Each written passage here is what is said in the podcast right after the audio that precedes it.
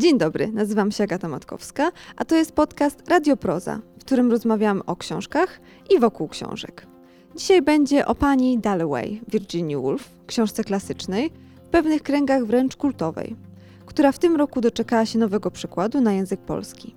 Jego autorką jest Magdalena Heidel, tłumaczka, literaturoznawczyni, wykładowczyni Uniwersytetu Jagiellońskiego, laureatka Nagrody Literatury na świecie czy Nagrody Literackiej Gdynia w kategorii przekład. O książce pani Dalloway, jej znaczeniu dla współczesnej literatury, o aktualności lub jej braku, twórczości Woolf z Magdaleną Heidel rozmawiała Kasia Janusik z Wrocławskiego Domu Literatury. Udanego słuchania.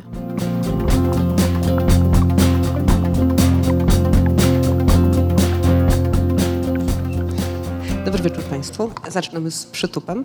Witam Państwa w klubie Proza Wrocławskiego Domu Literatury. Ja się nazywam Kasia Janusik, a moją i Państwa gościnią jest dzisiaj e, Magda Heidel. Poprosimy o brawo. Dobry wieczór.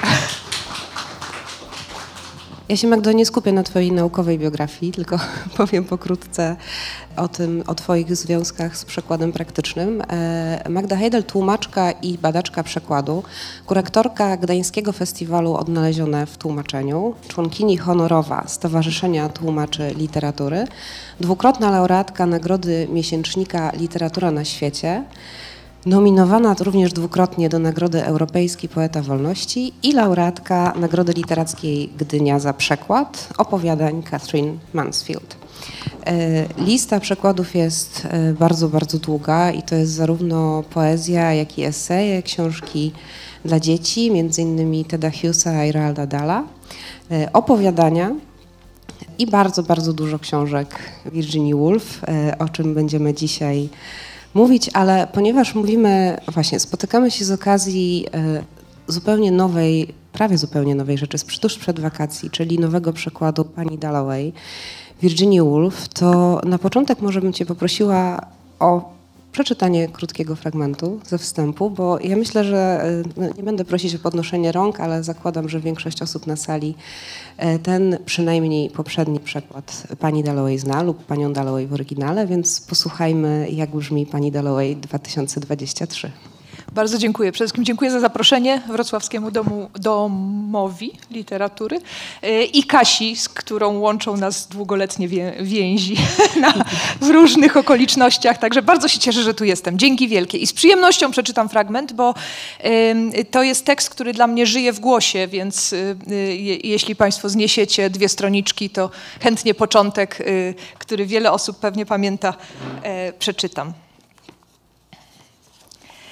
Pani Dalloway powiedziała, że kwiaty kupi sama. Lucy ma dosyć roboty. Trzeba będzie powyjmować drzwi z zawiasów, przychodzą ludzie od Rampelmajera. A poza tym, pomyślała Clarissa Dalloway, co za dzień! Świeży, jakby go rozdano dzieciom na plaży. Co za radość! Jak skok na głęboką wodę, bo właśnie tak zawsze to odczuwała, kiedy z delikatnym skrzypieniem zawiasów, które słyszała i teraz, otwierała w Borton przeszklone drzwi do ogrodu i rzucała się w otwartą przestrzeń. Jak świeże, jak spokojne, cichsze oczywiście niż tutaj, było wczesnym rankiem tamto powietrze, jak pluskwali, jak pocałunek fali, chłodne i ostre, ale dla tej osiemnastolatki, którą wtedy była, także przepełnione powagą, bo stojąc wówczas w drzwiach, czuła, że zaraz wydarzy się coś strasznego. Patrzyła na kwiaty i na drzewa, nad którymi wił się dym, a gawrony wznosiły się i opadały. Stała i patrzyła, aż Peter Walsh zapytał, zaduma wśród warzyw, tak to było? Osobiście wolę ludzi niż kalafiory. Tak to było? Musiał to powiedzieć któregoś dnia w porze śniadania, kiedy wyszła na taras. Peter Walsh. Niedługo ma wrócić z Indii, w czerwcu czy w lipcu, nie pamiętała dokładnie, bo listy od niego były strasznie nudne. Pamięta się tego powiedzonka. Jego oczy, scyzoryk, uśmiech, zrzędzenie, podczas gdy miliony innych rzeczy po prostu zupełnie znikły. Pamięta się jednak, jakie to dziwne, tych kilka powiedzonek, na przykład to o kapuście, Znieruchomiała na chwilę przy krawężniku, czekając, aż przejedzie ciężarówka Dartnala. Urocza kobieta! Tak myślał o niej Scrop Purvis. Znał ją tak, jak w Westminsterze zna się kogoś, kto mieszka po sąsiedzku. Ma w sobie coś ptasiego, coś sujki, coś błękitno-zielonego, lekkość, żywość. Choć jest już po pięćdziesiątce, a po tej chorobie bardzo posiwiała. O, przystanęła, nie widzi go, czeka na przejście, taka wyprostowana. Bo kiedy się mieszka w Westminsterze, ile to lat?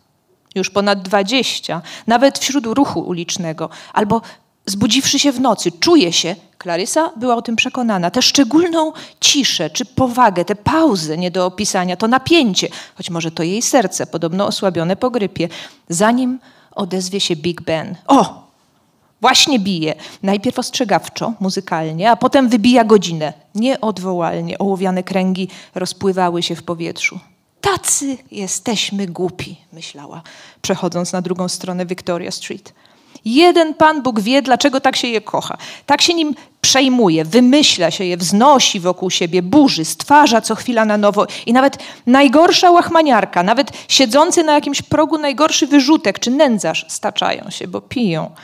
Czuje to samo. I dlatego była o tym przekonana. W tej sprawie nie pomogą żadne ustawy. Oni kochają życie w ludzkich oczach, ruchu, gwarze i tupocie, we wrzasku i wrzawie, w dorożkach, samochodach, omnibusach, furgonetkach, w rozkołysanym kroku ludzi reklam, w orkiestrach dętych i katarynkach, w triumfie, jazgocie i w dziwnym zawodzeniu jakiegoś aeroplanu nad głową było to, co kochała. Życie. Londyn. Ta chwila w czerwcu.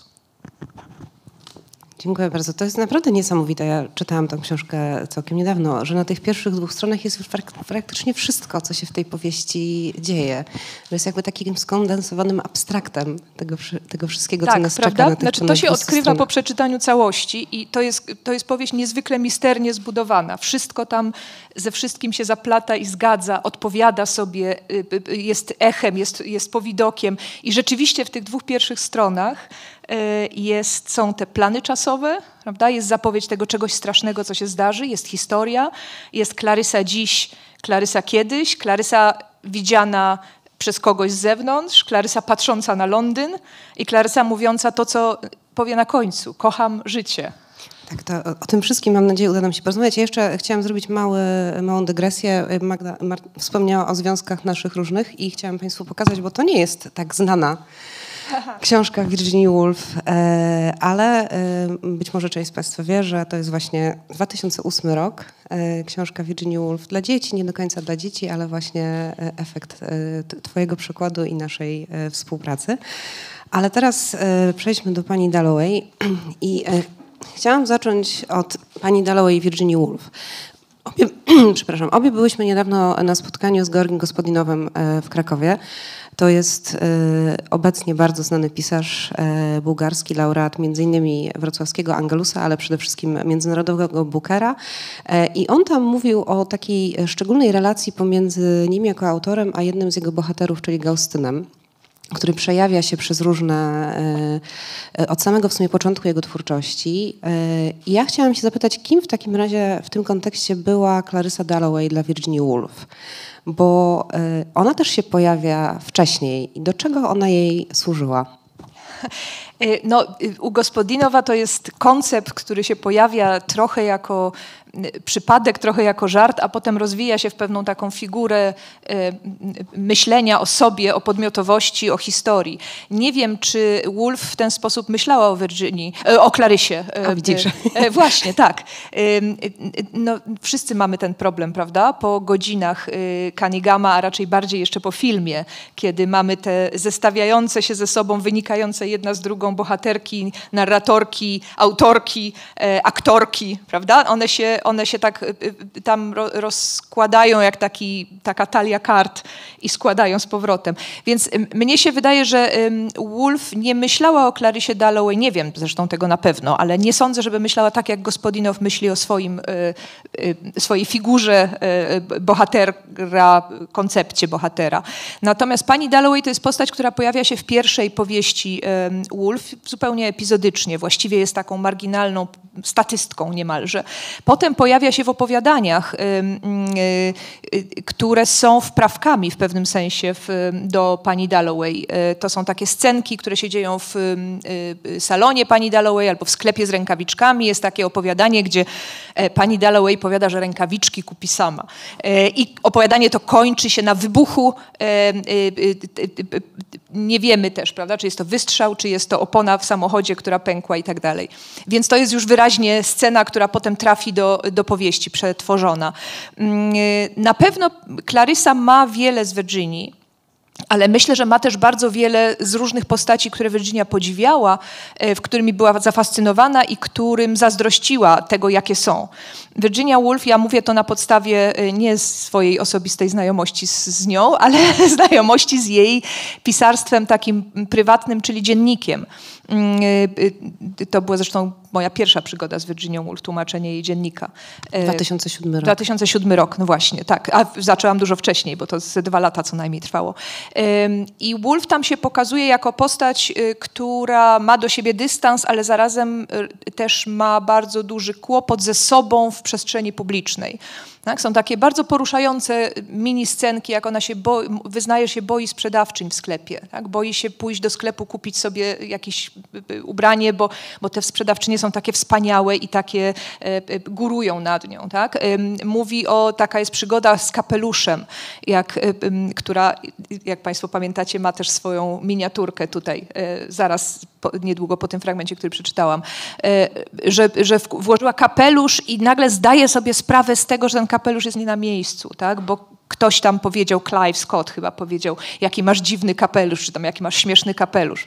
Y, Wolf y, nie była damą w takim sensie, w jakim damą były różne jej znajome, y, różne jej krewne, różne arystokratki, z którymi się znała. Więc pani Dalloway jest z jednej strony tą właśnie wytworną, szczupłą, ptasią osobą, która trochę fizycznie może przypomina Virginia Woolf.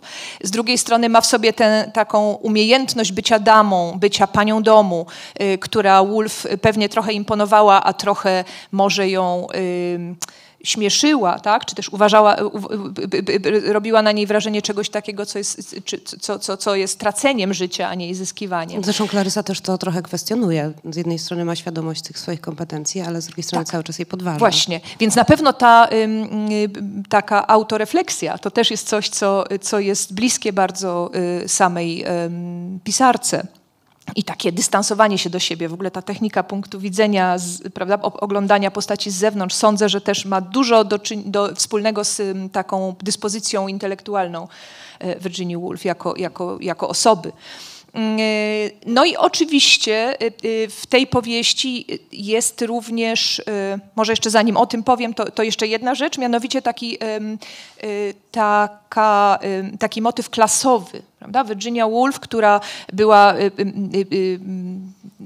krytykowana przez, zwłaszcza pod koniec swojego życia i potem oczywiście również y, y, już y, jako, jako nazwisko, tak? za, za takie zakorzenienie w sferze społecznej uprzywilejowanej, mimo tego, że podkreśla to, że nie miała właściwego wykształcenia, że potrzebuje tych 500 funtów i własnego pokoju, prawda? Czyli tak, ta, ta jej takie, takie mm, bycie w obu sferach naraz. Z jednej strony właśnie w sferze sferze uprzywilejowanej, w sferze, w której naprawdę nie brakowało ani pokoi, ani, ani funtów, a z drugiej strony w takim dystansie do tego, do tego środowiska.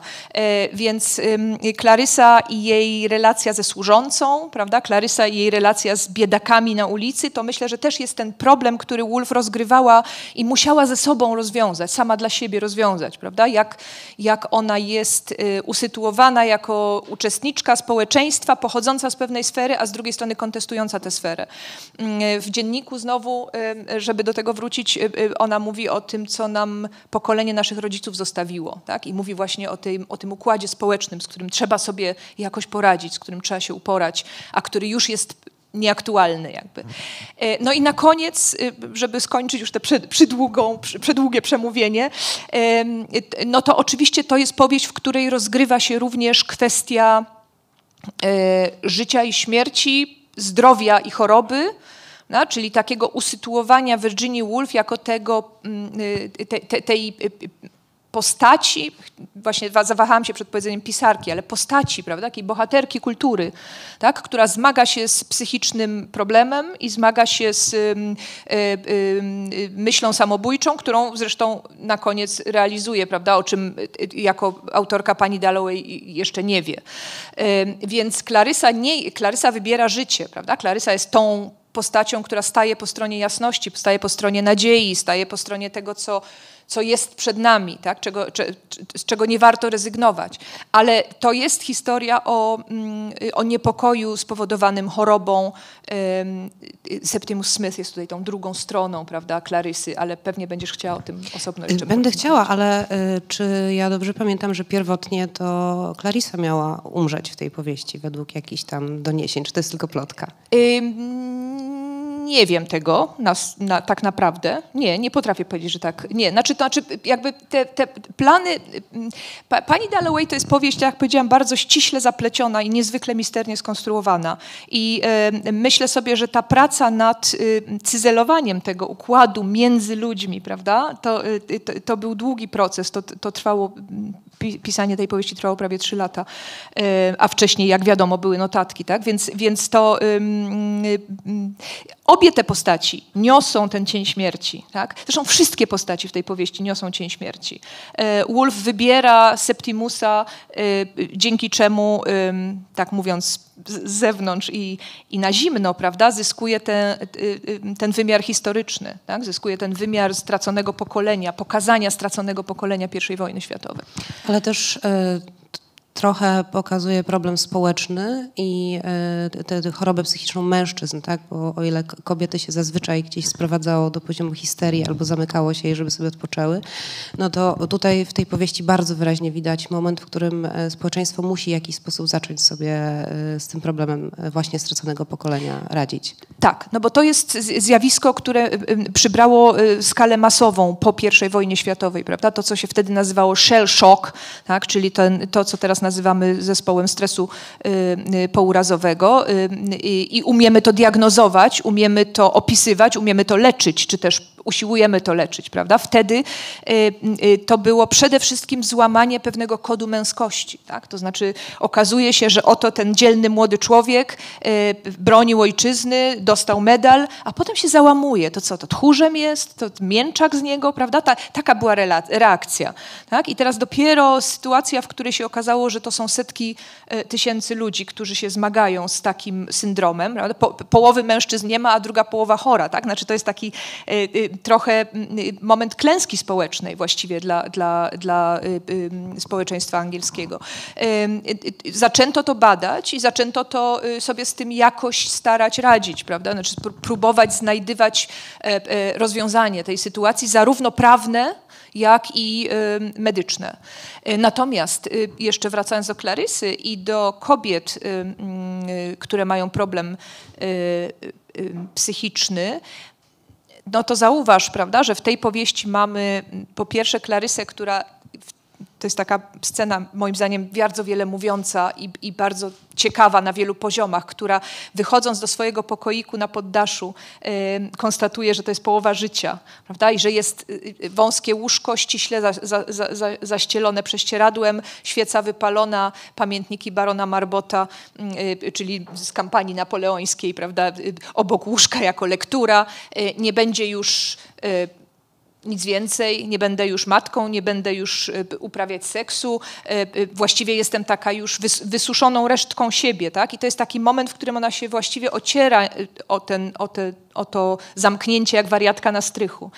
Ale z drugiej strony jest też um, słynnego pana doktora Bradshawa żona, tak, która jest y, niby y, egzemplum cnót niewieścich y, i, jest wspaniałą matką wspaniałego syna, który jest w świetnej szkole i która fotografuje i która przyjmuje co tydzień swoich kolegów męża na kolacji i która jest taka cudowna i, i, i dostatnio żyje i tak dalej, a tak naprawdę hoduje w sobie potworne cierpienie i potworną chorobę duszy. A więc te, więc te chore kobiety przemykają po tej przestrzeni. To nie jest tak, że one są, że, że pani Dalloway i inne bohaterki kobiece tego nie sygnalizują. Natomiast rzeczywiście dzięki temu, że Woolf y, napisała Septimusa Smitha, y, to mamy ten, ten, ten wymiar y, historycznego momentu y, choroby społeczeństwa no, i, i jednostek zarazem. I jeszcze te potworne postaci lekarzy. Ja tego nie pamiętałam z poprzedniej lektury, ale obaj Tak. e, lekarze przedstawieni w tej powieści są naprawdę przerażający. To prawda, to prawda i to, i to jest y, y, z kolei y, y, y, y, opisane przez Woolf w odniesieniu do swoich własnych doświadczeń z medycyną.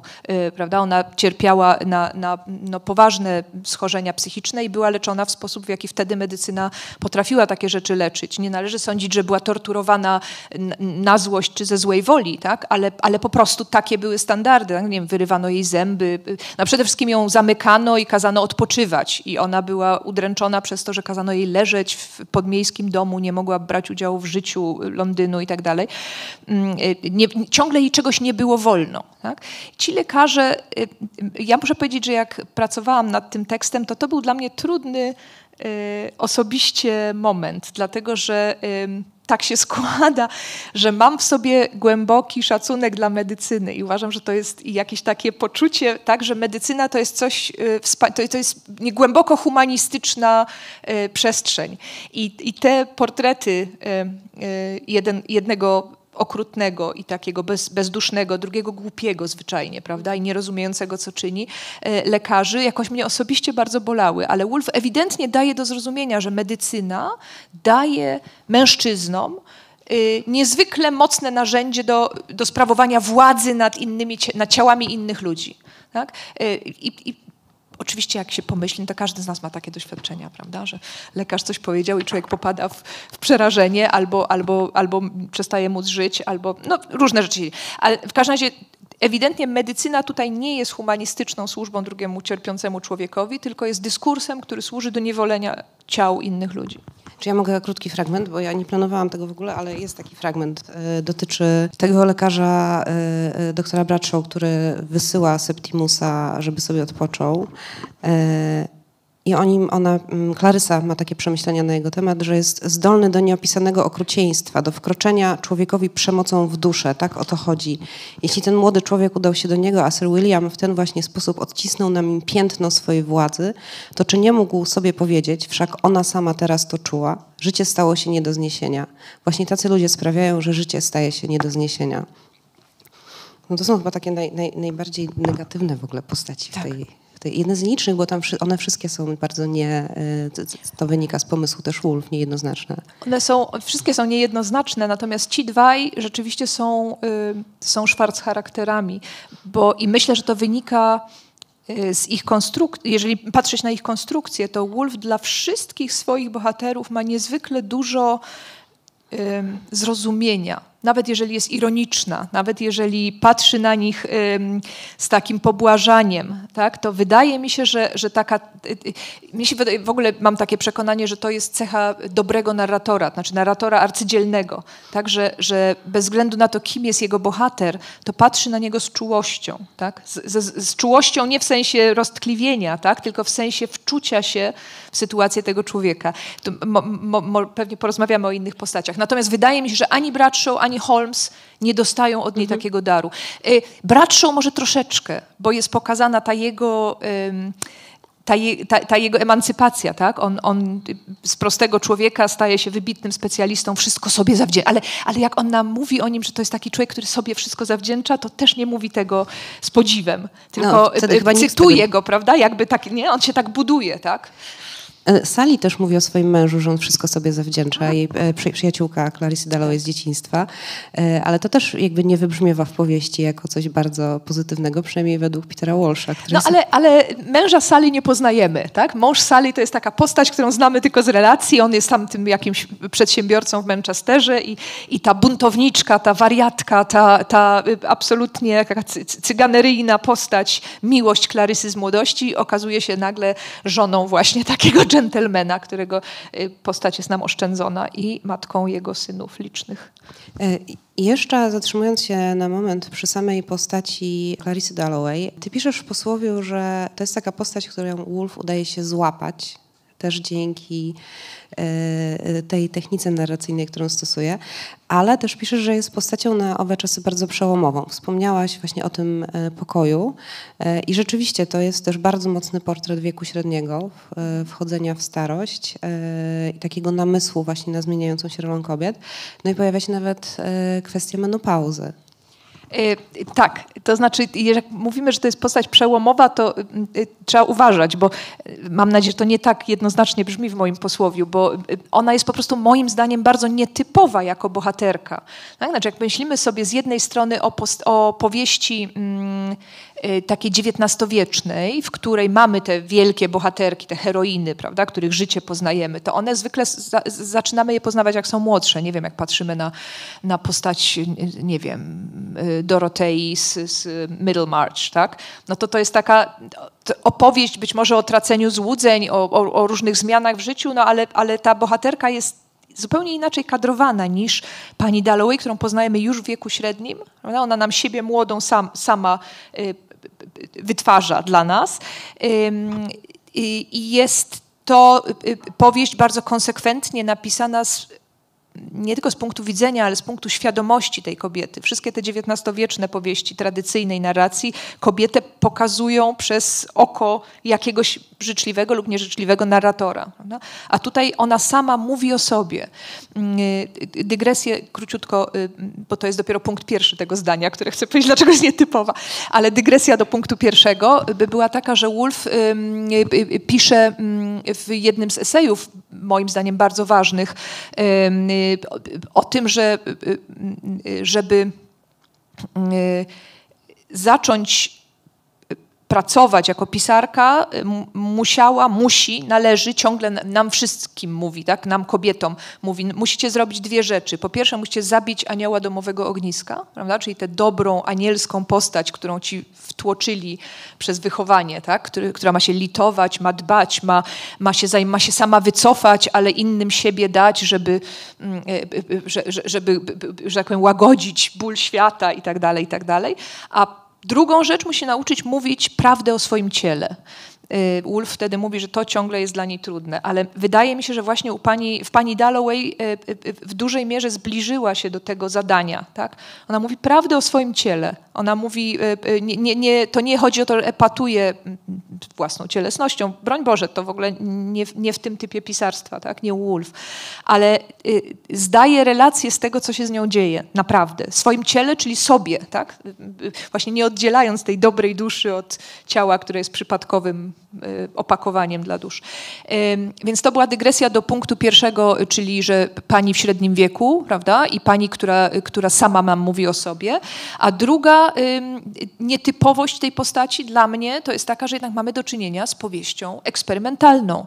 Prawda? Znaczy to jest powieść na miarę tych wielkich eksperymentów modernistycznych. Jedna z najważniejszych powieści modernistycznych. Wielkie odkrycie w sposobie pisania, w sposobie opowiadania siebie i świata.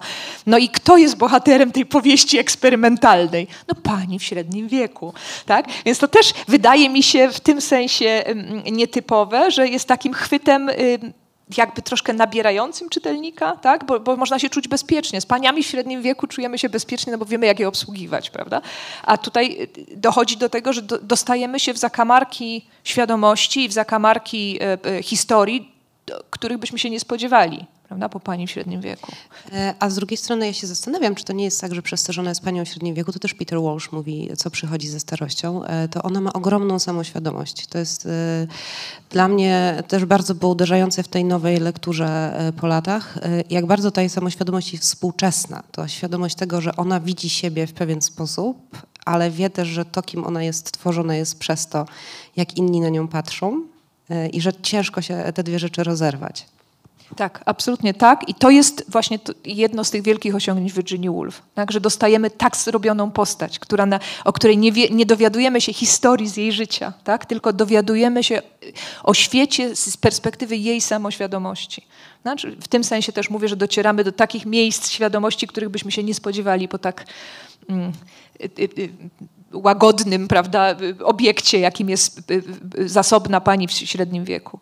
I wydaje mi się, że na tym też polega jakby zaleta nowego, nie chodzi o to, że mojego przekładu zaleta, tak, tylko zaleta czytania na nowo tej powieści, że, że już y, bardzo długo nam kadrowano panią Dalloway jako tę taką, no właśnie, panią z socjety, która urządza przyjęcia. Prawda? Jak, jak Wiesław Juszczak y, pisze tę swoją eseistyczną, piękną książkę y, Zasłona w rajskie ptaki, tak? no to troszeczkę właściwie chce tłumaczyć Clarissę z tego, że ona y, urządza te przyjęcia. I, i, I trochę tak mówi, no bo to wcale nie jest gorzej urządzać przyjęcia niż inne dzieła sztuki tworzyć. Tak? tak by, jakby chciał znaleźć jakiś powód, dla którego ona te przyjęcia urządza. Chyba nam nie wystarcza taka lektura pani Dalloway już, prawda? Znaczy to, to, to naprawdę nie jest powieść o pani, która urządza z, klasy średniej, która urządza przyjęcia, tylko o czymś zupełnie innym. A to, że akurat ona jest w tym miejscu, y, no to jest jej wrzucenie w rzeczywistość. No tak, nie musimy nawet sięgać do esejów, bo e, notka do, e, to jest e, wydanie z 97 roku, przekładu, który ukazał się, jak ustaliłyśmy, w 1961. E, I tutaj ta ocena jest też bardzo jednoznaczna. E, Cena, na, notka na okładce.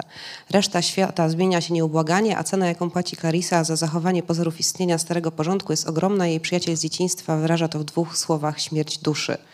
No, y, y, prawda? Znaczy, jeśli wybrać taką, taki opis na Została okładkę, to to jest zupełnie inna powieść, zupełnie. prawda? Mhm. Nie? Znaczy, że mamy tę kobietę, która ciągle chce, żeby ten stary świat istniał i żeby ten premier przychodził i że panie w długich sukniach, a jej przenikliwy przyjaciel Peter mówi śmierć duszy.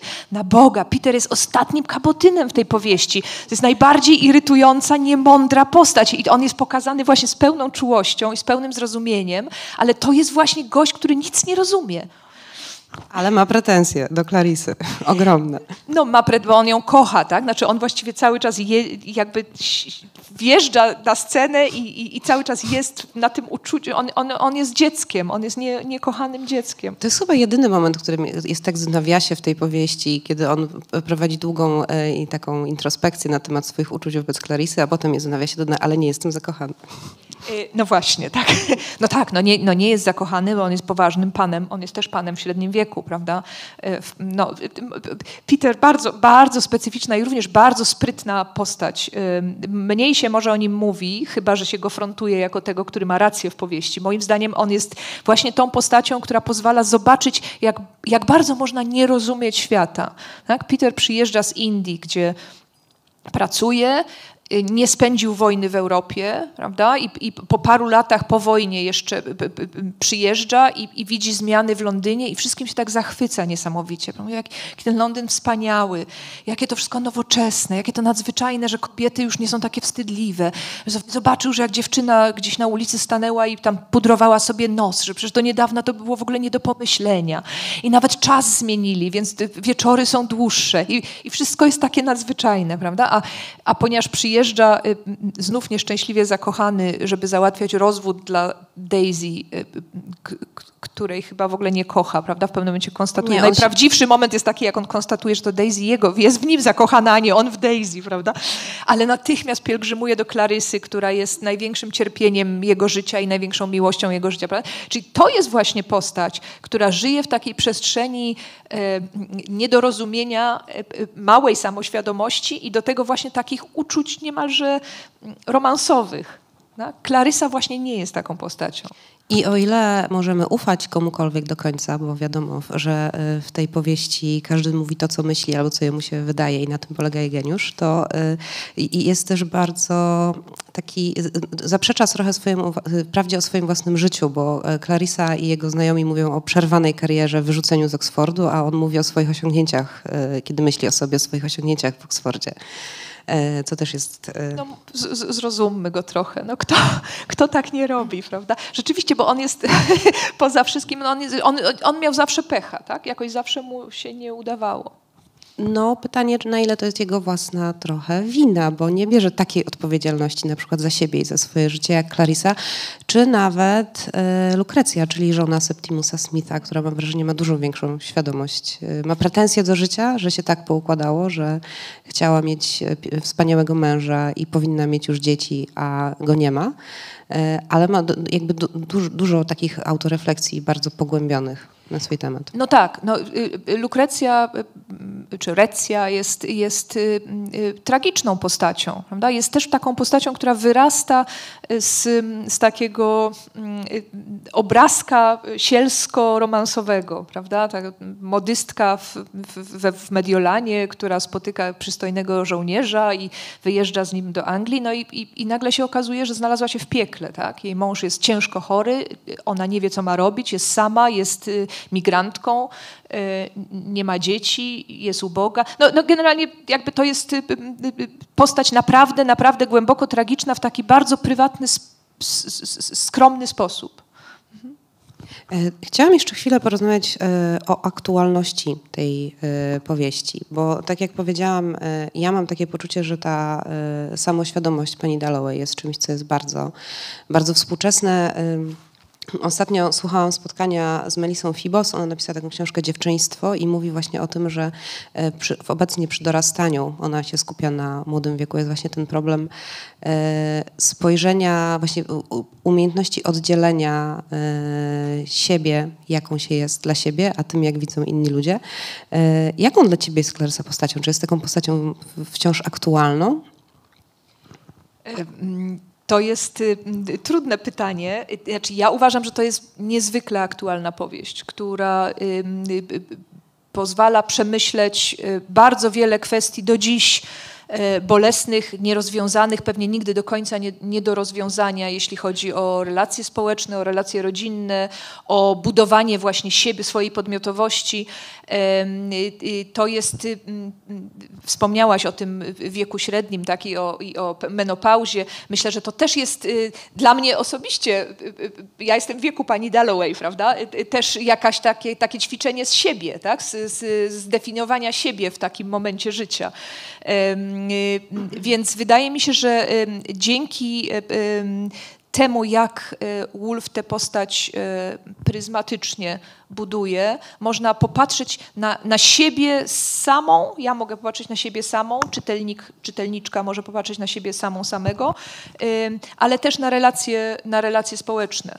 Znaczy, jak, jak się kadruje mm, mm, innych ludzi wobec tego, kim się jest i kim by się chciało być, kim się już nie może być. No? Druga rzecz, która wydaje mi się jest y, bardzo aktualna i, i zawsze będzie aktualna, to jest ten moment uświadomienia sobie, że ja dziś y, jestem i nie jestem tą sobą osiemnastoletnią. Tak? Ja dziś mam te wszystkie poprzednie siebie w sobie, ale też właściwie je potraciłam, tak? Czy to, to, to jest takie, no jakby to powiedzieć, nie wiem, takie tożsamościowo-ontologiczne niemalże ćwiczenie. Tak? Ta Klarysa, która, która odbija się w sobie sprzed lat i w sobie kiedyś.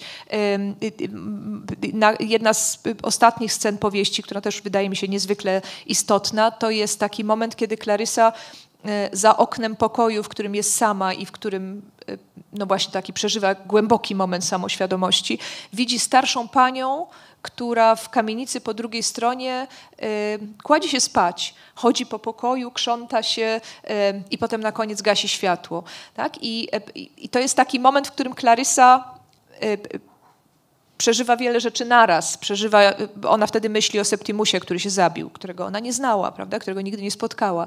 Ten młody człowiek się zabił. Myśli o swoim życiu, o tym, że rodzice dają nam taki obraz tam się pojawia, dają, wkładają nam w ręce to życie i my je musimy donieść do końca. I równocześnie, i mówi, ten, i ten młody człowiek się zabił trzymał swój skarb, czy on trzymał swój skarb, kiedy się zabijał, a my trwonimy ten skarb na różne bzdury, na różne takie nieważne rzeczy i patrzy na tę starszą panią, która kładzie się spać i gasi światło, prawda? I to jest taki moment, w którym ta harmonia bycia kiedyś, bycia y, y, y, teraz i, i jakiejś przyszłości, nie wiem czy harmonia, tak, ale takie odkrycie, że to jest jakiś rodzaj gabinetu luster, czy, czy jakiejś takiej galerii postaci, zarazem zjednoczonej w jakimś, w jakimś ja a, i, i rozproszonej. Wydaje mi się, że to, no, co, co tu dużo gadać, to jest jeden z wielkich problemów filozofii światowej, tak? Znaczy, kim jest to ja, którym jestem? E, Wolf to rozpisuje, nie dając odpowiedzi jakiejś jednoznacznej, ale dając takie epifaniczne może momenty uświadomienia sobie, kim jestem, y, ale też y, tej, tej, tego nieustającego zdumienia czy, czy, czy mm, kłopotu prawda? z tym, że, że to ja nie ma granic, nie ma twardo wyznaczonych granic. I trochę jej się udaje też, mam wrażenie, przez to, że potrafi też wybiec w przyszłość w jakiś sposób, prawda? Nawet poprzez przez, przez przyszłość jednej postaci, poprzez pokazanie różnych innych postaci, które są na innych E, na innych etapach życia, że tworzy jakiś taki bardzo, e, bardzo szeroki obraz. To zdaje mi się, że też wynika z, e, z, techniki, którą się posługuje, bo jak myślę o tym, jak skonstruowany jest świat postaci w, w tej powieści, to, to my je widzimy, prawda, w ciągu jednego dnia, w ciągu tych y, godzin mijających y, w rytm y, dźwięków Big Bena, ale zarazem poza tymi głównymi postaciami widzimy różne postaci, które są na obrzeżach tego świata, tego kadru, tak? I, i one pokazują się nam na moment ze swoją historią mniej lub bardziej sprecyzowaną. Ten Scott Purvis, którego widzimy przez sekundę, on się więcej już nie pojawi, prawda? Ale wiemy, że była taka postać, mieszkała w Westminster Westminsterze i oglądała Clarysę z zachwytem. Y, pojawia się, y, y, pojawia się taka stara żebraczka, która śpiewa przed, przed stacją. Pojawiają się ci ludzie na ulicy, którzy oglądają autopremiera i coś tam komentują. Ci, którzy oglądają samolot, który wypisuje jakieś litery dymem nad głowami, prawda? I każda z tam jest jakaś, jedna przyjechała, żeby zobaczyć króla, a druga tam jest jakąś przekupką, która jest gotowa rzucać bukieciki kwiatów pod samochód, prawda? Każda z nich, jak popatrzymy patrzymy na te, nie wiem, dwa zdania, trzy zdania, które są im poświęcone, już niesie jakąś historię, która gdzieś tam wykracza poza ten moment opisany. Ten moment sam w sobie jest wielopiętrowy i wielowymiarowy w czasie, prawda? Moja ulubiona postać y, y, y, z tego repertuaru postaci takich marginesowych, takich statystów, to jest taka Maisie, która przyjechała do Londynu pierwszy raz z Edynburga, tak? która ma 19 lat, no i chce zacząć nowe życie, samodzielność, zarabiać będzie pieniądze, w ogóle wielki świat, wielki... I, i idąc przez park chce zapytać, jak dojść do stacji metra, no ale ma takiego pecha, że trafia na Septimusa, który ma akurat i jego żonę Recję. Septimus wtedy jest w jakimś wzmożeniu szaleństwa. I Recja, która się tego potwornie wstydzi, zaczyna tę Maisie odganiać. I ta biedna Maisie... E, jest y, y, y, skazana na taki moment zawieszenia, że przyjechała do Londynu, mówili jej, że to będzie trudno. No i oczywiście, no i się okazuje, że nawet nie wie, gdzie jest ta stacja metra i nie mogą jej powiedzieć. I się zaczyna szlochać. Ale to, że zaczyna szlochać, dowiadujemy się od tejże Maisie, która ma lat 70 czy 60, prawda, i 50 lat później wspomina ten moment. To jest zrobione w jednym zdaniu. To jest po prostu coś nie, niebywałego, jeśli chodzi o technikę narracyjną, ale właśnie pokazuje to teleskopowanie czasu. Tak? I teraz, a, a, w momencie, w którym Maisie płacze, czyli my widzimy starą Maisie, która wspomina młodą Maisie, która płacze, równolegle na nią patrzy siedząca na ławce stara, biedna kobieta, która mówi, a płacz, płacz. Tak, tak, dopiero jak za mąż wyjdziesz, zaczniesz rodzić dzieci, będziesz musiała chłopa zadowolić i jeszcze gotować, to wtedy zobaczysz, co to jest życie, wtedy będziesz płakać. Po, to, dla mnie to jest po prostu y, no, taki brylant, tak? w, którym, czy, w którym się odbija, te, te facetki pokazują rzeczywistość w czasie i w przestrzeni i w, i w, i w konfiguracji losów y, zupełnie nie, niesłychaną. I przy okazji bardzo szeroki e, przekrój społeczny też, prawda? Co jakby się, jej wychodzi jakby zupełnie naturalnie, że pokazuje całą panoramę e, Londynu od właśnie tej żebraczki. To jest w ogóle, jakbyśmy mieli czas, to byśmy przeczytali, bo to jest, to jest niesamowita jest ta scena, która rozgrywa się na przestrzeni milionów lat, kiedy Peter Walsh patrzy na, na tą śpiewającą żebraczkę o utraconej miłości. Ale no właśnie, to może porozmawiajmy chwilę y, o tej formie, y, bo trzeba do tego jednak dojść. Y, czyli czym była dla Wolf pani Dalloway, ale jako książka? Bo ona jest sytuowana gdzieś obok Ulyssesa oczywiście. Ty ją sytuujesz bliżej ziemi jałowej Eliota. E, więc co on, Wolf, według tego, co ty wiesz oczywiście, bo wiadomo, że posługujemy się e, źródłami, e, chciała przez ten sposób opowieści i tę powieść w ogóle osiągnąć? To, że się zestawia panią Dalloway z Ulyssesem Joyce'a jest y, jakby naturalne, ale mnie się wydaje niedaleko prowadzące. Y, y, To jest powieść, która się odbywa w ciągu jednego dnia. Tak? I mamy postaci krążące po jednym mieście i możemy namalować mapę, czy wyrysować mapę tych wędrówek. I to jest chwyt narracyjny, który jakoś tam łączy ją z Ulyssesem. Natomiast mnie się wydaje, że w dużo większym stopniu bliskie jest jej takie myślenie o, o, o mieście i o społeczeństwie, jakie Eliot w Ziemi Jałowej daje i jakie daje Mansfield w swoich opowiadaniach. Ale to zostawmy. Natomiast sam zamiar y, pisarski, cóż, Woolf y, należy do tych autorek, które w każdym swoim dziele proponują nowy chwyt, tak? czy też nowy, nowy sposób kształtowania y, świata y, powieściowego. To nie jest pisarka jednego stylu, tak? czy jednego rozwijającego się poematu, że tak powiem. I ym, taką powieścią, która y, poprzedza panią Dalloway i która też już była ćwiczeniem y, z zakresu pisania o traumie I wojny światowej i o nieobecnym y, i o śmierci, to jest Pokój Jakuba. To jest taka powieść o y, młodym człowieku, który mm, y, nigdy się na jej kartach nie pojawia, tylko mówią o nim y, w różnych sytuacjach ludzie, którzy go znali, zwłaszcza kobiety, które go znały. Jest taka y, y, ostatnia scena niezwykle mocna i, i, i jakaś taka chwytająca za serce, jak y, y, jest matka Jakuba, która jego stare buty trzyma w ręku i pyta się, co ja mam z tym zrobić. Tak? I jakby to, to jest powieść o kimś, kto zginął, czego się nie opowiada, ale o kimś, kogo nie ma, takie tropienie pustki. Mm, Tutaj to nie jest tak zrobione, prawda? Tutaj ten, ten, ta, ta trauma nieobecności jest zrobiona, już mówiłyśmy o tym, nie, ma- nie będziemy tego powtarzać. Więc y, y, wydaje mi się, że w tej powieści takim y, największym ch- jakby takim chwytem prowadzącym do, do, do zrobienia tego czegoś nowego y, jest ta perspektywiczność patrzenia na postaci, po to, żeby pokazać, jak bardzo y, skomplikowane jest dotarcie do tego, kim jest postać. Mm, Ale mówię to wszystko z wahaniem i trochę się tak jakby nie, nie, nie, nie, nie fajnie jąkając, dlatego że mam cały czas poczucie, że bardzo bym nie chciała, żeby ta powieść była odbierana jako taka pogłębiona powieść psychologiczna. To też był sposób czytania Woolf, prawda? Że to jest taka powieść o charakterach w sensie XIX-wiecznym. Nie do końca, tak? Znaczy to jest raczej powieść o y, stanach percepcji y, i o stanach y, psychicznych postaci, które, do których można dotrzeć poprzez percepcję. Tak? Mówiłaś o samoświadomości, ale myślę też o takim y, y, przenikliwości w patrzeniu na y, inne postaci i niezbieżności tych punktów widzenia, jakim jest punkt widzenia postaci patrzącej na samą siebie, czy definiujących siebie i kogoś, kto patrzy na, na nią. Tak? Jestem kim innym dla dla obserwujących mnie, a kim innym dla siebie samej. I Wolf to pokazuje bardzo subtelnie i jakby tym sposobem, myślę, że to też ma związek z tym, o czym mówiłyśmy przed chwileczką, y, rozbija takie proste i zarazem zarozumiałe rozumienie podmiotu. Prawda? Jako scalonego bytu, który da się uchwycić. A jednocześnie pokazuje bardzo tą współzależność, e, bo nawet pani Dalloway w którymś momencie mówi, że ona już pewnie też by nie żyła, gdyby nie to, że może czasem usiąść obok swojego męża i jakby, żeby przez, w, w nim się odbić, jakby dzięki temu też odnaleźć jakiś sens swojej egzystencji. I to, co ty nazywasz i co jest chyba cytatem z Wolf, e, tą techniką tunelową, czyli e, nawiązanie do przyszłości.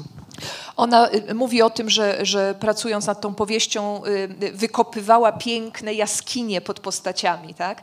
Czyli to z jednej strony jest powrót do przeszłości, takie, takie, taka archeologia osoby, tak, ale z drugiej strony mnie się wydaje, że te tunele czy jaskinie, ona mówi w jednym miejscu jaskinie, potem mówi o tunelach, tak, one prowadzą dokądś, tak, one gdzieś tam nas y, wpuszczają i myślę, że to jest ta taka, to są takie tunele do nas samych też prowadzące.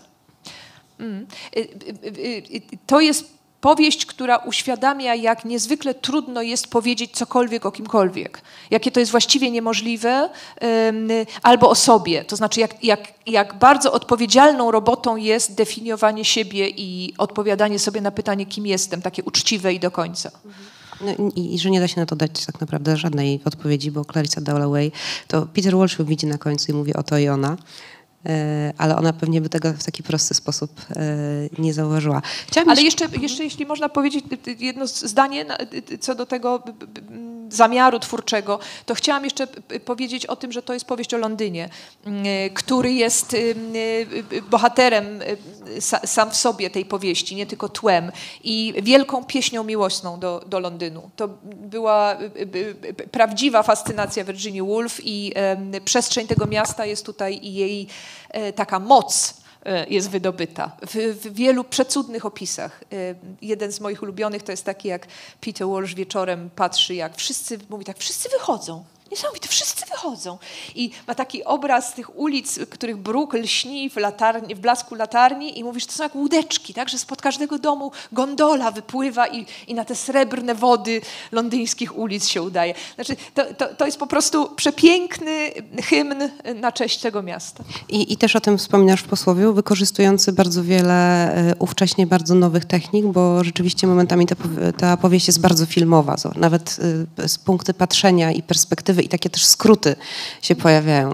Mnie się wydaje, że to jest coś, czego y, y, y, łatwo jest nie docenić z naszej perspektywy, z perspektywy ludzi, którzy są wychowani na kinie, na szybkim montażu, z perspektywy ludzi, których naprawdę nie dziwi, że w jednej sekundzie jesteśmy w, w, w salonie, a w drugiej sekundzie jesteśmy zupełnie gdzie indziej, prawda? To jest y, nie, 1925 rok wydania, 23 wydarzenia, tak? To jest absolutnie nowe. Tak? tak się nie opowiadało, tak się nie robiło, tak, tak mógł robić Eliot, znaczy jak Eliot to zrobił w tym samym roku, pisząc Ziemię Jałową, no to mówiono mu, że to jest y, illog, y, stek illogizmów, tak, i, i posiekane y, obrazy, które nie składają się w całość, tak, zresztą do dzisiaj pokutuje taki mit czytania tej powieści, te, tego poematu, ale w ogóle literatury modernistycznej jako czegoś, co jest nielogiczne. To jest wszystko cudownie logiczne, tylko jest po prostu super nowoczesne. E, Bardzo szybkie, e, poddane rytmowi współczesnego, nowoczesnego miasta, nie współczesnego, ale nowoczesnego miasta, które bardzo przyspieszyło. Tak? Tam są samochody. Czy znowu, dla nas samochody w mieście to nie jest jakaś rzecz ym, wymagająca przemyślenia. Tak? Dla y, y, ludzi w y, latach dwudziestych to było kompletnie nowe tempo. Prawda? Pa- Pamiętajmy o tym, że pierwszy śmiertelny wypadek samochodowy zdarzył się, y, y, kiedy pojazd był rozpędzony do zawrotnego tempa 7 km na godzinę. Tak? Więc, y, więc trzeba sobie zdać sprawę, że wszystko się nagle zmienia. Wszystko jest zupełnie, prawda, jak takie szaleństwo filmu rysunkowego. Y, Te perspektywy niemożliwe, na przykład perspektywa samolotu. prawda? To znaczy jakby nie, nie, można sobie było tego wyobrazić wcześniej, póki się nie, człowiek sobie nie uświadomił, że takie zdjęcia można zrobić. Tam, z tego okresu pochodzą pierwsze zdjęcia Londynu robione właśnie z powietrza.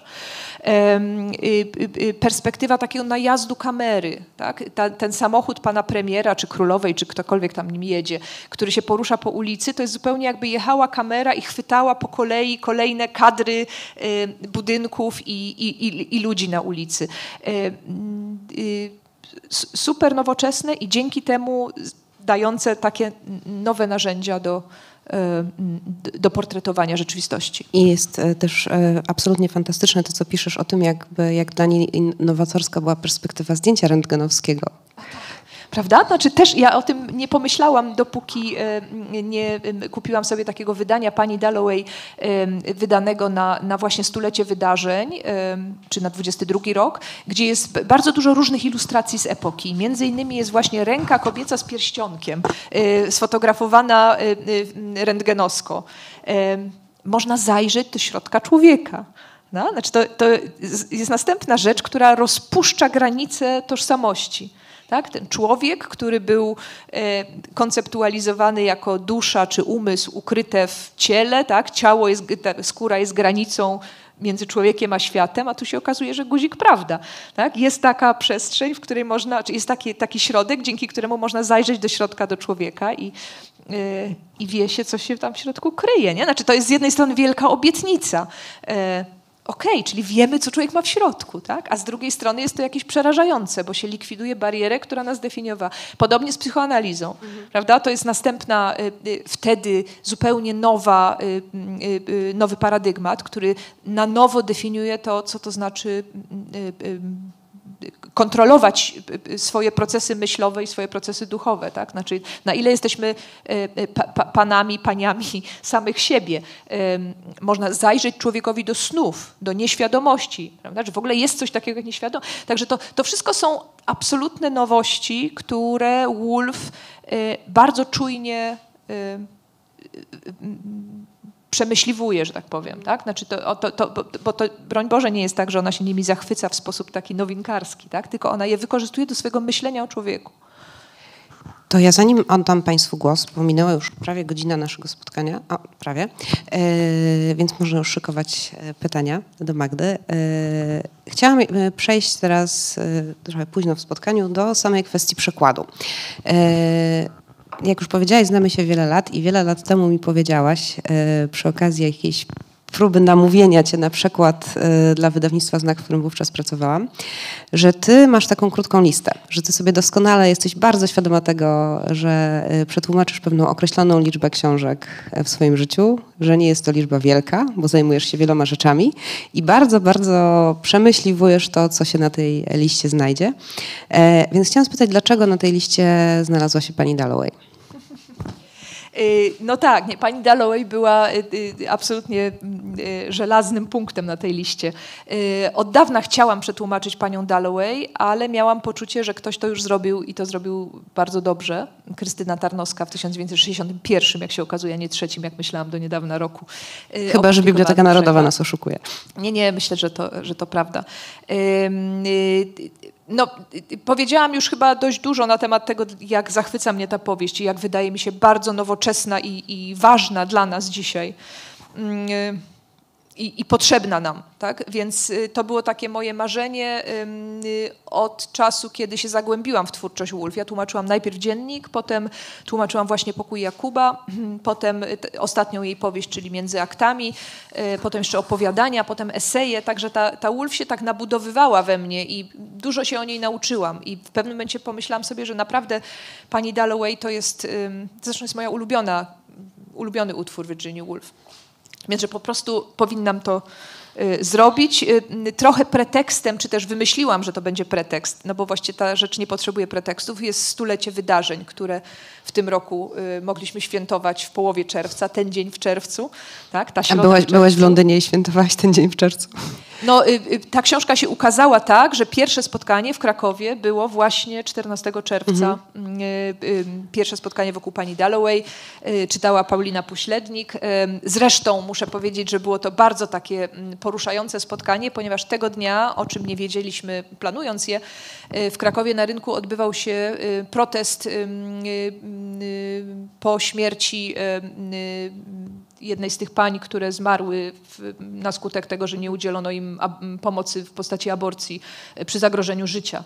Tak? I był protest kobiet na rynku krakowskim pod tytułem Ani jednej więcej, który odbywał się dokładnie o tym porze, o tej porze, kiedy spotkanie miało się zacząć i e, za zgodą organizatorów, ponieważ Pałac Potocki, gdzie się odbywało, jest przy rynku, e, prawie cała sala wyszła najpierw protestować na 15 minut, a potem wróciliśmy, bo, no bo Wolf by poszła protestować, tak? Znaczy, to, no to, to jest z całą pewnością temat, który, by, który byłby dla niej ważny, który nie byłby jej obojętny, żeby mówić prawdę o swoim ciele, tak? Więc, y, y, więc tak to było, to było to świętowanie. Y, ale uciekłyśmy od odpowiedzi na pytanie, po co tłumaczyć na nowo panią Dalloway, Nie, tak? tego pytania jeszcze nie zadałam, ale to A, możesz dobrze. odpowiedzieć. E, bo powiedzieć, przyzna się przed spotkaniem, że nie ma tu jakichś takich, e, jeszcze jest dużo zabawnych anegdot, jak widać, ale e, takich anegdot związanych z samą pracą nad tekstem, ale jednak zmierzyłaś się z tłumaczeniem, które jak mnie mam bardzo dobrze znasz, E, zresztą wszyscy zna, znają, e, ci, którzy czytali e, panią Dalloway i to słynne pierwsze zdanie. Więc mówiłyśmy chwilę o tej retranslacji. Jak, jak się do tego zabrałaś i jak to wygląda? Ponieważ bardzo chciałam przetłumaczyć panią Dalloway, no to zaproponowałam y, y, wydawcy znakomitemu, czyli Łukaszowi Urbaniakowi z Oficyny, y, czy by chciał. On jest takim entuzjastą, więc zastrzygł uszami natychmiast. I zaczęłam tłumaczyć bardzo dzielnie, ale jakby zaczynając, pomyślałam, przeczytam jeszcze raz tę Tarnowską. No i właściwie trochę mi opadły ręce, bo pomyślałam sobie, Boże, to jest dobry przekład, to jest świetna powieść po polsku, dlaczego, znaczy może ja nie powinnam tego robić? A potem sobie myślałam, Boże, tak marzyłaś o tym, żeby tłumaczyć panią Dalloway. I masz nie, wydawcę. No, idź za swoimi marzeniami, trudno, już masz wydawcę, dobra, tłumaczymy. No i y, y, y, ja nie, nie porównuję tłumacząc, tylko dopiero znaczy jakby tłumaczę na, na, na, własne, na własne ryzyko, a nie, nie, nie konfrontując się z przekładem poprzednim i nie po to, żeby było inaczej. Natomiast potem, jak zaczęłam czytać po raz kolejny Krystynę Tarnowską, no to zobaczyłam, że było po co. Tak? Znaczy Krystyna Tarnowska, y, jej przekład, bo, bo, bo to też jest interesujące pytanie, kto podejmował decyzję. Jej przekład jest w dużo większym stopniu tekstem znormalizowanym, tekstem podlegającym takiej obróbce edytorskiej, redakcyjnej, y, który czyni z niej regularną powieść. Pocięte zdania, te bardzo długie, te szalone, zdania Virginia Woolf zostają w wielu miejscach pocięte na krótsze kawałki. Jest łatwiejsza przypuszczalnie dzięki temu w rozumieniu i w czytaniu. Y, y, różne takie dziwactwa tego tekstu, taka specyfika stylu Woolf jest wyrównana. Myślę sobie, jak pytam, jak, jak mówię o tym, czy kto podejmował decyzję, to myślę sobie, że to zarówno wrażliwość tłumaczki być może, ale też na pewno konwencje wydawnicze tak, tego czasu. W latach 60. w Polsce na pewno nie było takiej gotowości na eksperyment literacki, tak? na takie szaleństwo tekstu. Ja mogłam sobie na to pozwolić, to jest troszkę przywilej późnego przekładu, tak? bo, bo, bo ja już nie musiałam się martwić o to, że mam opowiedzieć tę historię, tylko mogłam ją opowiedzieć na własnych e, warunkach i, i e, wyciągając z tego tekstu z różnych jego warstw, co dla mnie było istotne. Między innymi właśnie była to ta mm, e, forma zdania, ta forma Y, takiego długiego, monologicznego, y, y, niekończącego się, niekończącej się struktury syntaktycznej. Może o tym dość sporo powiedzieć obecna tutaj znakomita moja redaktorka, pani Ania Krzywania, która zmagała się z tymi zdaniami razem ze mną i no mam dużo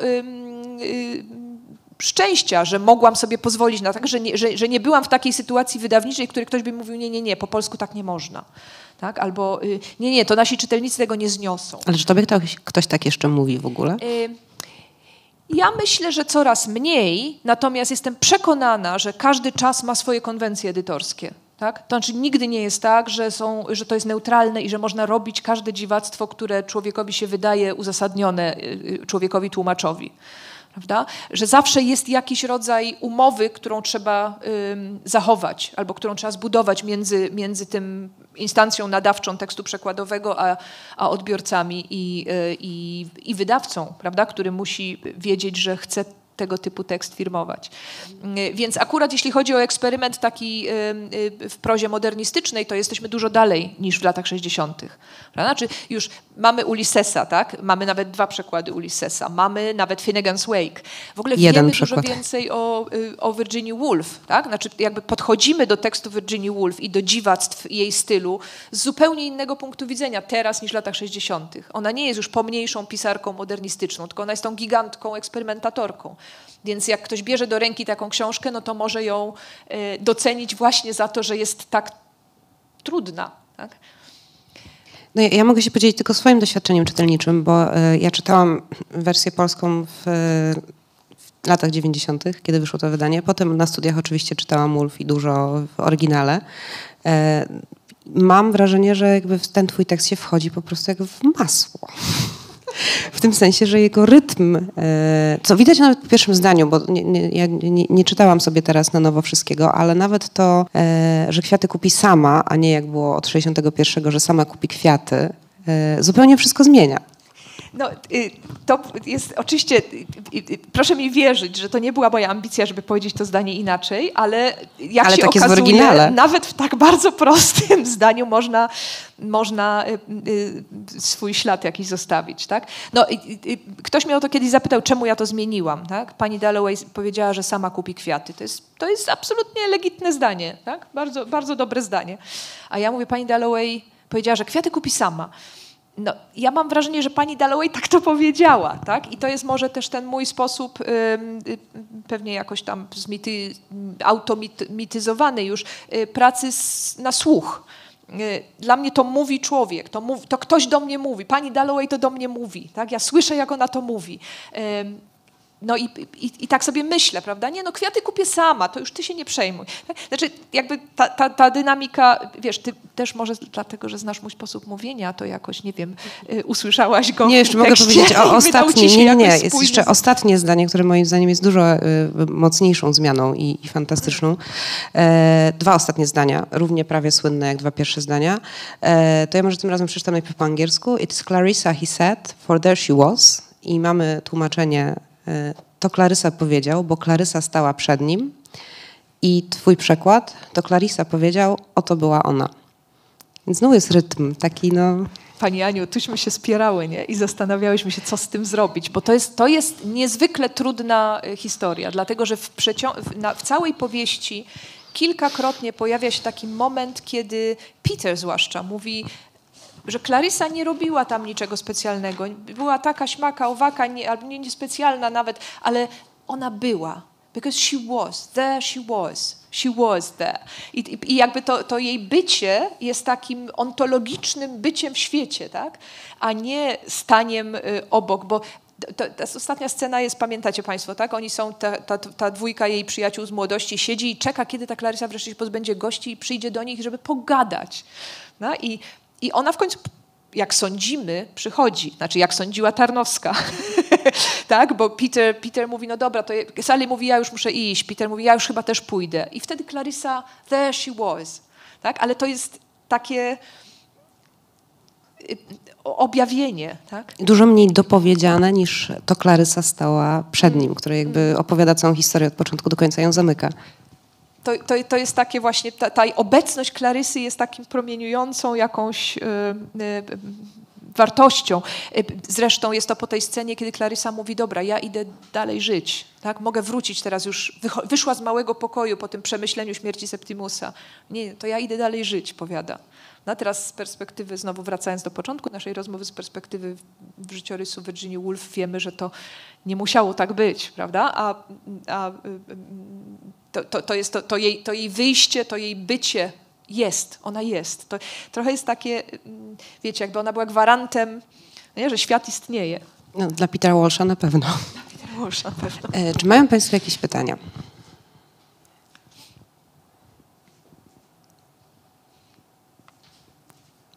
Bo jeśli nie, ale proszę jeszcze może. Ja się bardzo ucieszę. Na przykład, nie może ktoś by chciał o jakiejś swojej postaci powiedzieć ulubionej, bo tam jest tyle przeróżnych, nie? Ja, jak myślę o tym, że powiedzieliśmy, właśnie bardzo dużośmy obgadały tych postaci, nie? Ale na przykład jest taka panna Killman, cudowna postać, Boże, po prostu cudowna. A Richard Dalloway, Następny. Richard Dalloway jest cudowny, tak. Kiedy... Lubisz Richarda Dallowaya? Lubię Richarda Dallowaya, zwłaszcza, że jest taki bardzo ludzki w tym momencie, kiedy biegnie przez pół miasta, żeby powiedzieć żonie, że ją kocha i oczywiście tego nie jest w stanie zrobić. Ale głaszczę pokolenie. No właśnie, tak. Ja też lubię Richarda Dallowaya. Ale jest jeszcze Lady Barton, prawda? Ona się tak nazywa? Mhm. E, taka, która pamięta czasy wiktoriańskie i która jest chodzącą, chodzącym imperium brytyjskim. No właśnie. I jeszcze jest Hugh, Hugh który jest tym, takim, taką kukłą. I Sali, o Sali nie porozmawialiśmy. No, to, jest, to jest kopalnia postaci, kopalnia takich, takich perełek psychologicznych. E, no właśnie przez to ciepło narratorki, autorki, która jest czuła, która ich wszystkich widzi jako ludzi, y, to są tak bogate postaci. No i oczywiście te, też jeszcze o tym nie, nie, mówiłyśmy, znaczy zahaczyłyśmy o to mówiąc o Septimusie, że to, to jest też powieść o tych, których nie ma, tak? Czyli Właśnie, to ja, to ja mogę? Powiedziałaś, napisałaś, że to jest powieść widmontologiczna. To rozwiń proszę. to jest Y, ten Londyn, bo właściwie myślałam, żeby o tym wspomnieć, jak mówiłam o entuzjazmie Virginia Woolf wobec Londynu i o tym, jak pięknie jest Londyn tutaj sfotografowany, chciałam powiedzieć, odmalowany. Y, ten Londyn jest pełen y, śmierci, tak? I to też jest część tych, tych tuneli pod postaciami. Gdziekolwiek któraś z postaci się znajdzie w Londynie, to w sposób niezwykle dyskretny, a jednak przejmujący dostajemy sygnały o tym, że to są miejsca, w których y, y, kogoś nie ma, tak? albo jest, są ślady śmierci. No? Znaczy to, y, to, to jest na samym początku Klarysa, która myśli o tym, że tak wielu zginęło i że Lady Bexborough, która otwierała jakiś kiermasz dobroczynny z telegramem, że zginął jej ulubiony syn, ale zachowała twarz, prawda, i, e, i otwarła, i tak dalej, i tak dalej. Cały czas mamy ślady tego, że wojna zostawiła przestrzeń naznaczoną nieobecnością. Tak? Więc jak powiadam, że to jest postać, powieść widmontologiczna, to, to mówię o tym, że przechadzka po tym Londynie jest zarazem przechadzką w głąb historii, tak? i w głąb przestrzeni, które, których nie ma, a które są. Nie? Czyli to, y, y, y, to, to, to jest takie jakby dotknięcie świata, pod którym ten świat się roz, otwiera, robią się szczeliny, z których wychodzą widma przeszłości.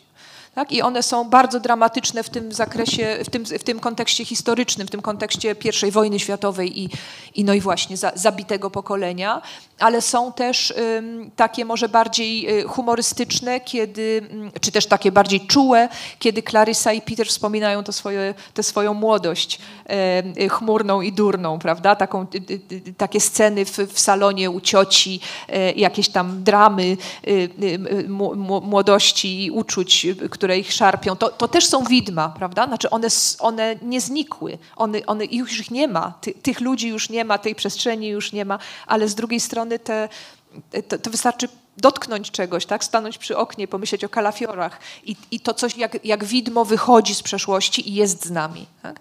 W tym sensie y, y, to jest też y, opowieść o świecie, którego granice się rozpływają, prawda? Które są, które, którego granice są nie, nie, nieszczelne.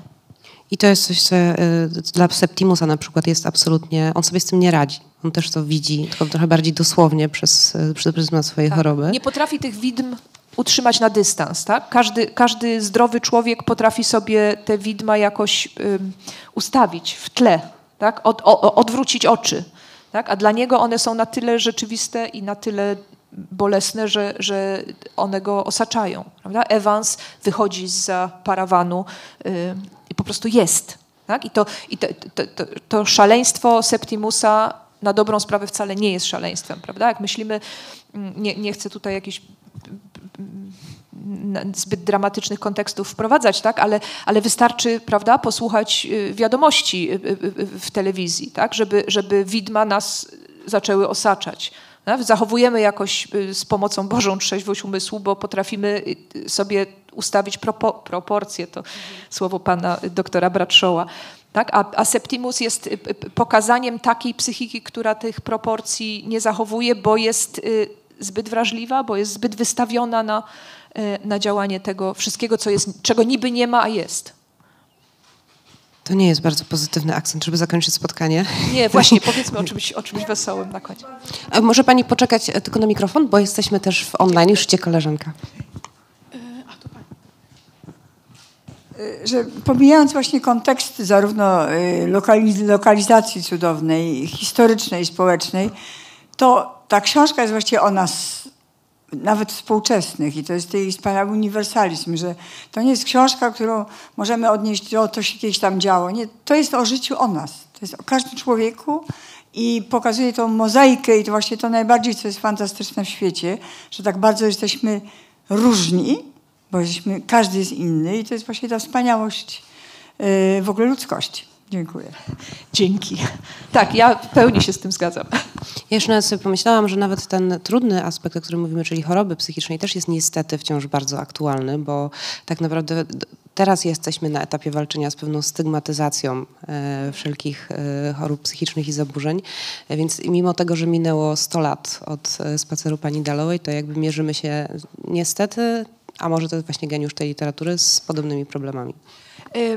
Na pewno tak jest. No, żyjemy w epoce y, też jakby posttraumatycznej, z, zachowaniem proporcji, tak? Jednak y, y, teraz nasz zachodni świat zbiera żniwo tego, czym była pandemia, prawda? Czym była, były te wybuch wojny. Jak myślimy o tym, jak wiele osób potrzebuje wsparcia, prawda, to, no to możemy z jednej strony błogosławić świat, w którym to wsparcie istnieje i nie polega wyłącznie na, na jakimś chowaniu prawda, za, za, za zasłonę y, milczenia, ale z drugiej strony możemy być pewni tego, że ciągle jeszcze y, coś robimy źle, tak? Znaczy, że, że, że, nieunikniony sposób mm, zadajemy dalsze cierpienie tymi naszymi sposobami leczenia i tak dalej. Więc to, to sądzę, że również w tym sensie jest, y, jest powieść, która opowiada po prostu o człowieku, o konstrukcji człowieka. I na szczęście też o pięknie. E, To jeśli nie ma już na pewno więcej pytań. A jest pytanie, cudownie. E, Na początku. Pani w niebieskim szalu. Emilia. A, pani tu, proszę. Pani w niebieskim szalu. Ja się troszeczkę spóźniłam, ale y, y, złapałam w twojej wypowiedzi, Magdo, mówiłaś o filmie i chciałam cię zapytać, czy ten film coś zmienił w twoim odbiorze książki? I w tym, co, i w tym jak tłumaczyłaś. Czy, czy jakieś obrazy, czy jakieś interpretacje z tego filmu, godzina, mówimy o godzinach, y, coś zmieniły w twoim widzeniu tej całej historii? No to by było ciekawe, czy ktoś by to potrafił y, y, wyczytać z mojego tekstu. Y, Natomiast to, to był bardzo mocny kontekst do czytania Virginia Woolf i pani Dalloway w szczególności, prawda? Znaczy bardzo trudno jest się nie odciąć zupełnie od tych obrazów, od tej interpretacji, od twarzy Nicole Kidman i tak dalej. I może nawet bardziej Meryl Streep. Y, nie? Znaczy to, to, to są strasznie mocne obrazy. Od, y, ten film uczynił na nowo, czy, czy wzmocnił bardzo y, rozumienie Virginia Woolf jako postaci popkultury. Da? Od tego czasu z całą pewnością wszyscy wiedzą, jak wyglądała Virginia Woolf. E, Są kubki z Virginia Woolf, koszulki z Virginia Woolf, tak? I, i, i, i, jakby ona się stała taką własnością powszechną, e, nawet dla tych, którzy nigdy w życiu nie czytali pani Dalloway albo nawet nie myślą o tym, żeby to zrobić. Więc y, pewnie jakieś ślady są, natomiast ja się nie inspirowałam świadomie, ale kto jest panem swojej świadomości? Ja mam tu przygotowany taki cytat e, z recenzji, trudno to nazwać recenzją, z opisu e, nowego przykładu z Rzeczypospolitej, e, w którym pada zdanie, które mnie trochę przeraziło. Większość czytelników i kinomanów dowiedziała się o przełomowej książce Virginia Woolf przy okazji godzin. Y, Pewnie jest to prawda, jak się tak pomyśli demokratycznie. Tak? My jesteśmy anglistkami, więc nam się wydaje, że to zupełnie nie jest jak, jak można żyć nie wiedząc o Virginia Woolf. Tak? Y, Myślę, że to jest prawda, ale rzeczywiście ta, ta, tak, ta recenzja y, y, tak, ma, ma parę takich mo- mocnych stwierdzeń. To prawda. To może na tym, czy jeszcze ktoś z Państwa chce jak, jakiś wy- wypowiedź, pytanie? Jeśli nie, to Magdo, bardzo Ci dziękuję. Fantastycznie jest Cię tu widzieć i Cię gościć. To ja bardzo dziękuję. Dziękuję, że Państwu się chciało spędzić ten wieczór e, z Virginią Woolf e, i z panią Dalloway. I e, chciałam powiedzieć jeszcze raz, że bardzo się z tej książki cieszę. To była dla mnie naprawdę wielka przygoda i spełnienie marzenia. I ta książka jest śliczna, ma naprawdę piękną okładkę. I Ania Krzywania jest współautorką tego tekstu. To ja jeszcze tylko powiem, że listopad jest absolutnie wyjątkowym miesiącem nie tylko dla anglistek, mam nadzieję. E, I chciałam też Państwa zaprosić od razu na 28 listopada do nas do prozy, kiedy przyjedzie Maciej Świerkowski e, i jego e, właśnie wydane Nostromo. Stromo. Ja będę z nim rozmawiać w Krakowie 22. Gdyby ktoś był w Krakowie, zapraszam. Dziękujemy bardzo. Dziękuję Kasiu bardzo. Dzięki.